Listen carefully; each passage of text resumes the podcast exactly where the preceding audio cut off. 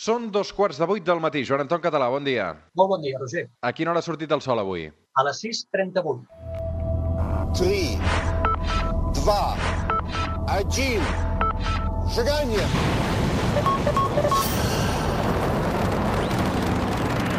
One small step for man, one giant leap for mankind.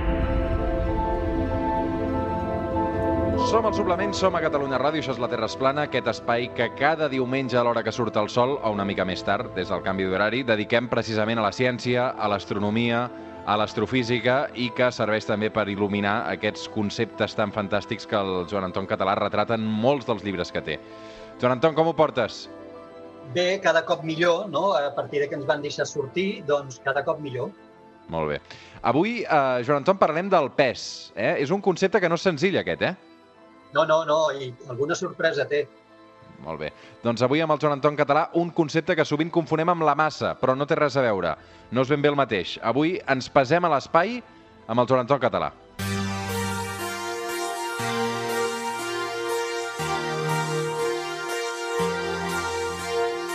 A veure si ho he entès bé, això, Joan Anton. Abans de parlar del pes hem d'entendre la gravetat, no? Sí, la gravetat és la que ens acabarà definir la diferència aquesta que comentaves entre massa i pes. N'hem parlat molts cops de la gravetat, per tant, aquí només farem ara un apunt molt ràpid. Recordem que la força de la gravetat és una de les quatre forces de la natura que coneixem i és la que fa que dos objectes s'atraguin entre ells perquè tenen massa. Eh? I és doncs, la Terra i la Lluna, o la Terra i el Sol, o la taula i el meu cos. Doncs s'atreuen simplement perquè eh, tenen massa. I és una força que disminueix la seva intensitat en el quadrat de la distància. Vol dir que si tu agafes dos objectes, Terra i Lluna, per exemple, i els separes al doble de distància, doncs la intensitat de la gravetat cau a la quarta part. Tenint en compte tot això que m'expliques, el pes exactament què és? Doncs aquesta és la clau, entendre què és el pes. I el pes és una força. Per tant, el pes és aquesta força d'atracció que nosaltres notem provocada per la gravetat. Com que ens atrau la Terra i tiba de nosaltres cap a l'interior, aquesta força que notem que tiba cap a baix, això és el pes. I faig, faig especial atenció en dir que notem, la paraula notar, perquè vol dir que per notar-la hi ha una superfície, hi ha una barrera que no ens deixa seguir caient cap a l'interior de la Terra. Aquesta barrera doncs, és, pot ser el, el sol, pot ser una cadira, pot ser una balança. Tot això és el que fa que la Terra que tiba de nosaltres no permet que tibi tant que puguem anar cap a dins. I això és el pes, és la força aquesta que notem perquè hi ha una superfície que suposa a que nosaltres siguem, diríem, empassats per la gravetat de la Terra. I exactament què passa quan no hi ha una superfície que suposa la gravetat? Molt bona pregunta, perquè llavors no hi ha pes. Si desapareix aquesta barrera, no hi ha pes, per tal com acabem de definir el pes, que dèiem és la força que jo noto perquè hi ha una barrera que s'interposa entre el meu cos i l'atracció de la Terra, doncs si trec la barrera, doncs no hi ha pes. I el que faig és simplement caure. Si jo estés caient cap a l'interior de la Terra o caic des de dalt d'un avió, per entendre'ns, no peso, no peso. És a dir, una balança que estigués caient en mi marcaria zero. No marcaria cap pes perquè no hi ha cap superfície que s'estigui interposant entre el meu cos i l'atracció de la Terra. Clar, hi haurà gent que et dirà, i a l'espai què, Joan Anton? Perquè allà la gravetat és diferent, no? Però continua existint, no, la gravetat? Sempre, sempre. A qualsevol lloc de l'espai hi ha gravetat. Simplement la, la prova la tenim en els planetes del sistema solar, que orbiten al voltant del Sol perquè hi ha atracció gravitatòria. Uh, I fins i tot a l'Estació Espacial Internacional, que la gent molts cops pensa, quan veu els astronautes flotant, que no hi ha gravetat, i tant que n'hi ha. I, de fet, hi ha una gravetat que només és un 9%, més o menys, més baixa que la que notem aquí. El que ells no noten és el pes, que és això que dèiem. Ells estan en caiguda lliure constantment. Això ho hem explicat moltes vegades, que està en òrbita és com caure però no arribar mai a tocar la Terra. Doncs com que estan caient, no noten el pes i per això floten. I, torno a dir, una balança a l'Estació Espacial Internacional marcaria zero, absolutament zero, perquè no noten el pes perquè estan caient. Uh, sovint confonem pes i massa, uh, com dèiem, Joan Anton. Explica'm exactament quina és la diferència, si plau. La diferència és molt important d'entendre-la. Començo dient que la massa és una propietat que vindria a ser la quantitat de matèria que tenim, que cada objecte té. Doncs aquesta quantitat de matèria n'anomenem massa i no depèn de res, només depèn de l'objecte, de la quantitat de matèria que té un objecte, però la massa d'aquest objecte serà la mateixa aquí que a la Lluna, que a Mart, que on sigui. El que canvia és el pes, depèn, depenent d'on tu estàs. El pes, com abans hem dit, és una força i matemàticament és igual a la massa per la gravetat del lloc on estàs. És una multiplicació de la massa per la gravetat. Per tant, si jo me'n vaig a un planeta o en un lloc que tingui gravetat diferent, pesaré diferent, però la meva massa serà sempre la mateixa, que és la quantitat de matèria eh, que tenim. Què passa? Que a vegades confonem massa i pes, però no són, com acabes de veure, no són el mateix. Mm. Eh, com es mesuren aquest pes i aquesta massa, Joan Anton? Clar, com que no són el mateix, les hem de mesurar en unitats completament diferents. I aquí hi ha una de les sorpreses, per la gent que no, que no hi hagués pensat mai, que és que la unitat estàndard de la massa, d'aquesta propietat que no varia mai, és el quilo. El quilo, el gram, els derivats del quilo però de massa, però no del pes. Això no és una unitat del pes, eh? perquè, com dèiem, el pes és una força i és la massa multiplicada per una gravetat. I la unitat del pes, atenció, no són els quilos, són una unitat que anomenem els newtons, que, no té, que, que és completament diferent. No és fàcil, però ho anem entenent. Uh, per tant, el que m'estàs dient, Joan Anton, amb això, és que quan jo et dic que peso uh, X quilos o 80 i pico quilos, uh, no és veritat, això? No, no, no, estem fent un error que ens el permetem als humans per simplificació, perquè, de fet, si tu em parles de quilos, en veritat m'estaries parlant de massa, no de pes. Per tant, no em podries dir jo peso 70 quilos. M'hauries de dir peso 700 newtons, per exemple, que seria el resultat de multiplicar 70 quilos de massa per la gravetat de la Terra, que més o menys és 10, és 9,8, però aquí el simplifico i és 10, doncs m'hauries de dir peso 700 newtons, no? O peso 700 quilos força, però en veritat no em podries dir eh, literalment peso 70 quilos perquè, com hem vist, el quilo no és una unitat de pes, sinó que és una unitat de massa. El que passa que els humans hem dit, escolta'm, saps què? Aquí a la superfície de la Terra, on la gravetat és igual a tot arreu, no ens compliquem la vida, parlem de quilos i fem la simplificació i parlem de que pesem 70 o 80 o els que sigui quilos. Però això és simplement una simplificació que ens funciona aquí a la Terra, però a la que te'n vas de la Terra ja no funciona, perquè la gravetat varia i al variar la gravetat et varia el pes absolutament. Quins factors poden fer que variï el nostre pes, Joan Anton? N'hi ha molts. Eh, per exemple, aquí parlàvem d'estar en un altre planeta. Eh? Pues, Mart pues, té menys gravetat que la Terra, doncs allà ens variarà el pes, però fins i tot en un mateix planeta, fins i tot aquí a la Terra, en funció de l'alçada on estiguis, la gravetat que notes és lleugeríssimament diferent i, per tant, també varia el teu pes en funció de l'alçada on estàs. Eh? I, per tant, no peses el mateix estant a la superfície, a nivell de mar, per exemple, tot i que estic parlant de diferències que són míseres, eh? miserables, però eh, des de això, la superfície de, del mar a que te'n vagis dalt d'una muntanya de 3.000 metres, doncs no serà el mateix el pes. Som al suplement, som a Catalunya Ràdio, avui amb el Joan Anton Català parlant del pes.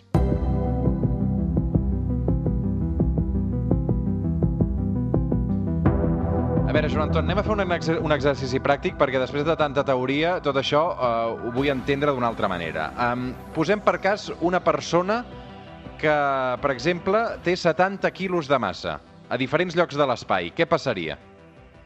Mira, d'entrada t'haig de felicitar perquè ja hem utilitzat bé el terme. Han dit 70 quilos de massa. No, no hem dit que pesarà 70 quilos. Va? Ara has dit 70 quilos de massa. Doncs molt bé, anem a veure quan pesa aquesta persona a diferents llocs. Comencem, si vols, pel nostre planeta, perquè acabem de dir que en funció d'on siguis, de l'alçada on tu estiguis, pesaràs més o menys. Perquè es fem una idea, aquesta diferència que abans et deia entre estar al nivell del mar o estar a 3.000, en un cim a 3.000 metres d'alçada, la balança et marcaria uns 65 grams menys. És a dir, pesaries uns 66 grams menys si et peses a, a dalt d'una muntanya a 3.000 metres d'alçada que si et peses a la superfície, a la, perdona, al nivell del mar. I si estiguéssim en comptes d'una muntanya a una muntanya russa? Si estiguéssim, per exemple, a la baixada del Dragon Khan, què passaria? Ah, molt interessant, veus? Seria una forma de que la balança encara et marqués menys, pesaries menys, perquè estàs en caiguda que és el que dèiem abans, com que estàs caient, eh, doncs hi ha menys coses que s'interposin entre la força de la gravetat de la Terra i el teu cos, tot i que no és una caiguda lliure. Afortunadament no és una caiguda lliure, per tant, si portessis una balança amb tu, et marcaria menys pes. No he calculat quant pes menys marcaria, però clarament pesaries menys i la prova és que t'has de lligar, com vas en aquestes atraccions, has d'anar ben lligat perquè, si no, quan caus, eh, per aquelles baixades tan tremendes, el teu cos se'n va cap amunt. I això ja és la indicació claríssima de que estàs notant moltíssim menys pes. Molt bé, abandonem la Terra, marxem cap a la Lluna. Quan pesaria una persona de 70 quilos de massa a la Lluna? Doncs sis cop, cops menys. Estaríem parlant d'uns 12 quilos. Eh? La balança li marcaria 12 quilos. Eh, la Lluna té molta menys massa que la Terra, té menys gravetat, té una sisena part de gravetat, i per tant notaríem una sisena part del nostre pes a la Lluna. Molt bé. I com canviaria aquest pes sobre un cometa, per exemple? Uau, serien, serien llocs tremendos, perquè els cometes, comparats amb un planeta, són extraordinàriament petits i apenas hi ha gravetat. Qualsevol petit salt faria que et sortissis, que te n'anessis a l'espai per no eh, retornar mai més. Pesaries uns pocs grams. Aquesta persona de 70 quilos de massa que hem posat d'exemple pesaria apenes uns pocs grams. I gràcies encara de que pesaria aquests grams, perquè com que els cometes normalment el que fan és girar sobre si mateixos, eh, fan un, una rotació, això també ajuda a que, a que hi hagi una mica més de, de sustentació, però si no te n'aniries immediatament a l'espai. I si marxem a un altre planeta, a Mart, per exemple, quan pesaria? A Mart vaig calcular que pesaria aquesta persona de 70 quilos de massa, pesaria més o menys uns 25 quilos i mig. Eh? Una, tercera, una tercera part, que és la gravetat que té Mart comparada amb la gravetat de la Terra. Això és molt interessant pensar-hi des d'un altre punt de vista. Quan anem a objectes com la Lluna o com Mart, on la gravetat és menor, hem de pensar que si nosaltres notem menys pes, també notarà menys pes una màquina. Vol dir que fent el mateix esforç podrà moure objectes tres vegades més pesats, en aquest cas de Mart. I aquesta és una de les raons per les quals no és estrany pensar que els humans vulguin en algun moment construir-hi a Mart no només bases, sinó indústries, perquè, com et dic, amb la mateixa despesa energètica es podrà fer un, un treball, un esforç, tres vegades superior. Carai. Anem una mica més lluny encara. Va, uh, si estiguéssim sobre d'una nana blanca, quan pesaríem? Val, aquí ja estem anant a llocs extrems de l'univers. Les nanes blanques... Una estrella, una estrella de tipus solar, sí. Molt bé, exacte. Són uh, la, els cadàvers, per entendre'ns, d'estrelles com el Sol, que ja s'han jubilat, s'han han deixat de funcionar com a estrelles i s'han jubilat en forma de nana blanca, que són objectes super, super densos. Tan densos que si sobrevisquéssim a l'apropament, cosa que no podríem fer, i ens poguéssim posar sobre de la nana blanca, doncs aquesta persona model que hem agafat de 70 quilos de massa, a la superfície d'una nana blanca típica, marcaria la balança 23.000 tones de pes, perquè et facis una idea de l'enorme gravetat que té una nana blanca. déu nhi I en una estrella de neutrons? Aquí encara, bueno, la balança és que ja no, ja no podria aguantar abans, doncs aquí, aquí tampoc, perquè aquesta pesaria sobre una típica estrella de neutrons 13.000 milions de tones. Pots imaginar? 13.000 milions de tones una persona de 70 quilos de massa. Uh, I si et poso un forat negre, ja? Ah, clar, però el forat negre té un truquillo, té un truquillo. Mira, si, si d'entrada no tenim en compte el truc, que ara et diré, i seguim com fèiem ara, dient, ostres, ostres, però és un objecte encara més dens, doncs sí, una balança semblaria que ens hauria de marcar 105.000 milions de tones. 105.000 milions de tones. Però hi ha un truc, que és que el forat negre, a diferència dels objectes que hem vist abans, no té superfície. No té cap lloc on tu et puguis posar dret. Què vol dir? Que estaries en caiguda, tu estaries caient dins un forat negre i, per definició, acabem de dir que quan hi ha caiguda no hi ha pes. Per tant, no pesaries res.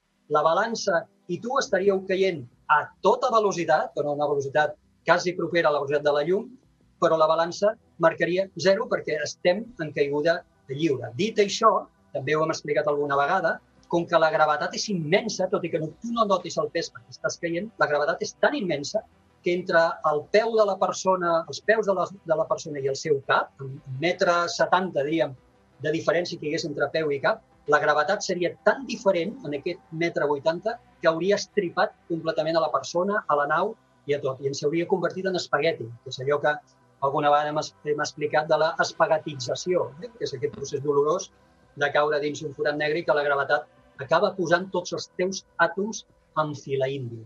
Però, excepte això, com et dic, no pesaries res. Avui amb el Joan Anton, el pes i la massa. Dub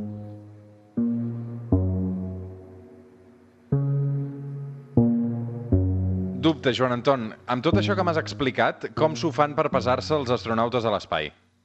Bona, perquè necessitem saber, evidentment necessitem morfològicament saber com evoluciona el seu cos, però no ho podem fer en una balança perquè acabem de dir estan caient permanentment i la balança marca zero. Una balança tradicional marcaria zero.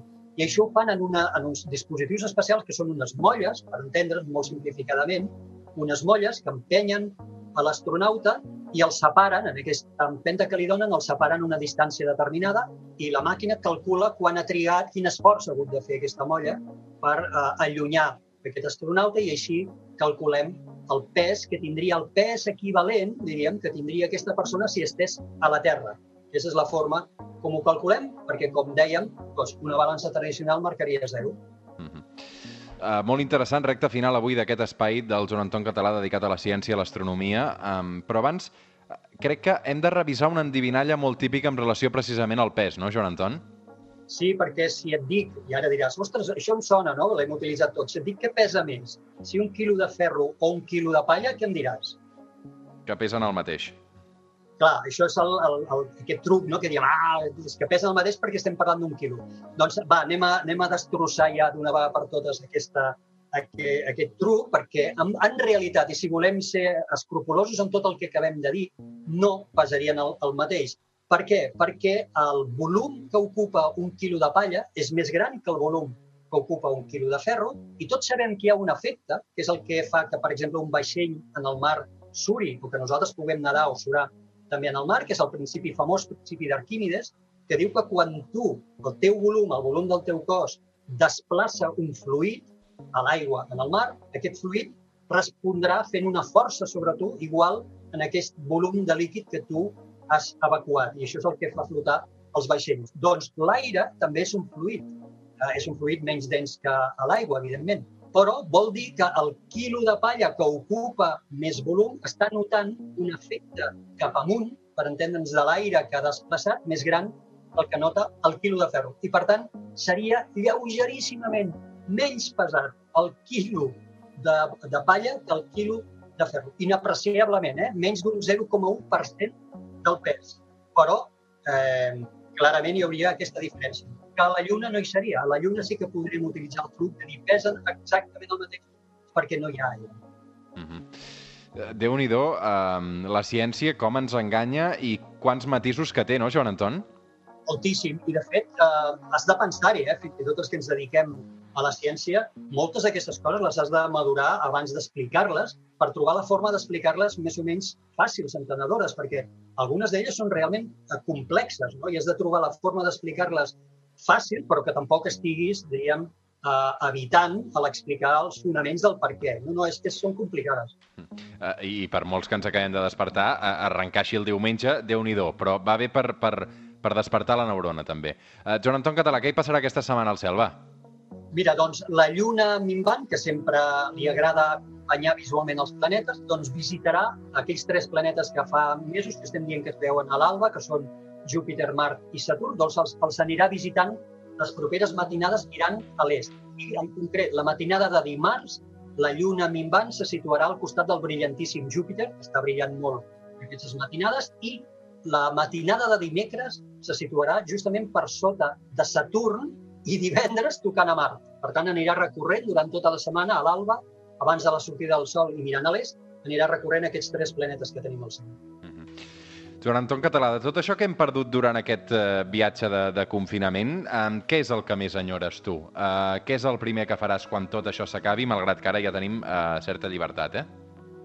El contacte amb la gent, clarament. És a dir, el poder tenir eh, reunions, per exemple, això mateix que estem fent tu i jo ara, doncs mm. el poder fer cara a cara i veure'ns i, no sé, veure l'expressió de l'altre, també a nivell del negoci, no?, de poder estar amb els meus clients, amb la gent. És a dir, és una mica també la, recuperar això que donàvem per sentat, que es diu llibertat, i que, i que ara ho hem perdut, ho hem perdut parcialment i, i ara valorem.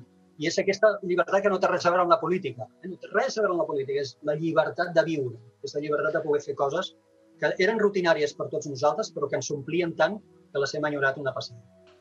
Joan Anton Català, tornarem a dinar davant del mar. Uh, cuida't molt. Igualment, gràcies, Roger. Fem una pausa i tornem al suplement. Fins ara.